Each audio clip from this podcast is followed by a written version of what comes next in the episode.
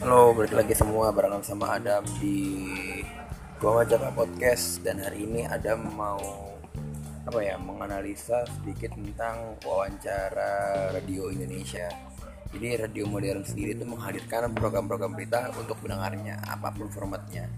Jadi berita atau informasi yang terbaru dan aktual itu menjadi kebutuhan semua pendengar. Bahkan banyak radio yang secara khusus memilih format ya, ada yang berita, news, atau program yang macam-macam information program ya kan? Dan selingan beberapa lagu atau musik. Dan bahkan kalau yang format news tuh ada yang nggak pakai lagu sama sekali.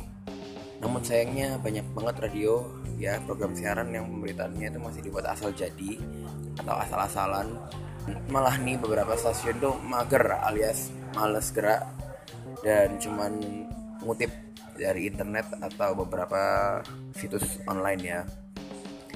Namun ini bisa dimaklumi karena jurnalisme radio sendiri di Indonesia itu terbilang sangat baru dipraktikkan setelah masa Orde Baru dan pertama kali itu RRI ya, Radio Republik Indonesia.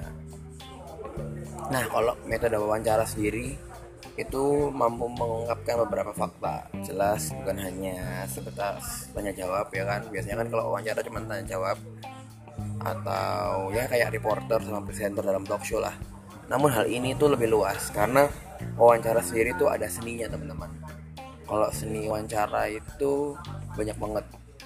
Ya rata-rata sih kalau wawancara wartawan pemula itu cara banget menguasai hal ini jadi wawancara radio itu juga memiliki kelas yang berbeda dari wawancara biasa Wawancara radio itu membutuhkan kualitas suara yang prima serta pernyataan narasumber yang bernilai berita tinggi. Karena memang banget memang didengar dan secara langsung ya kita wawancaranya itu.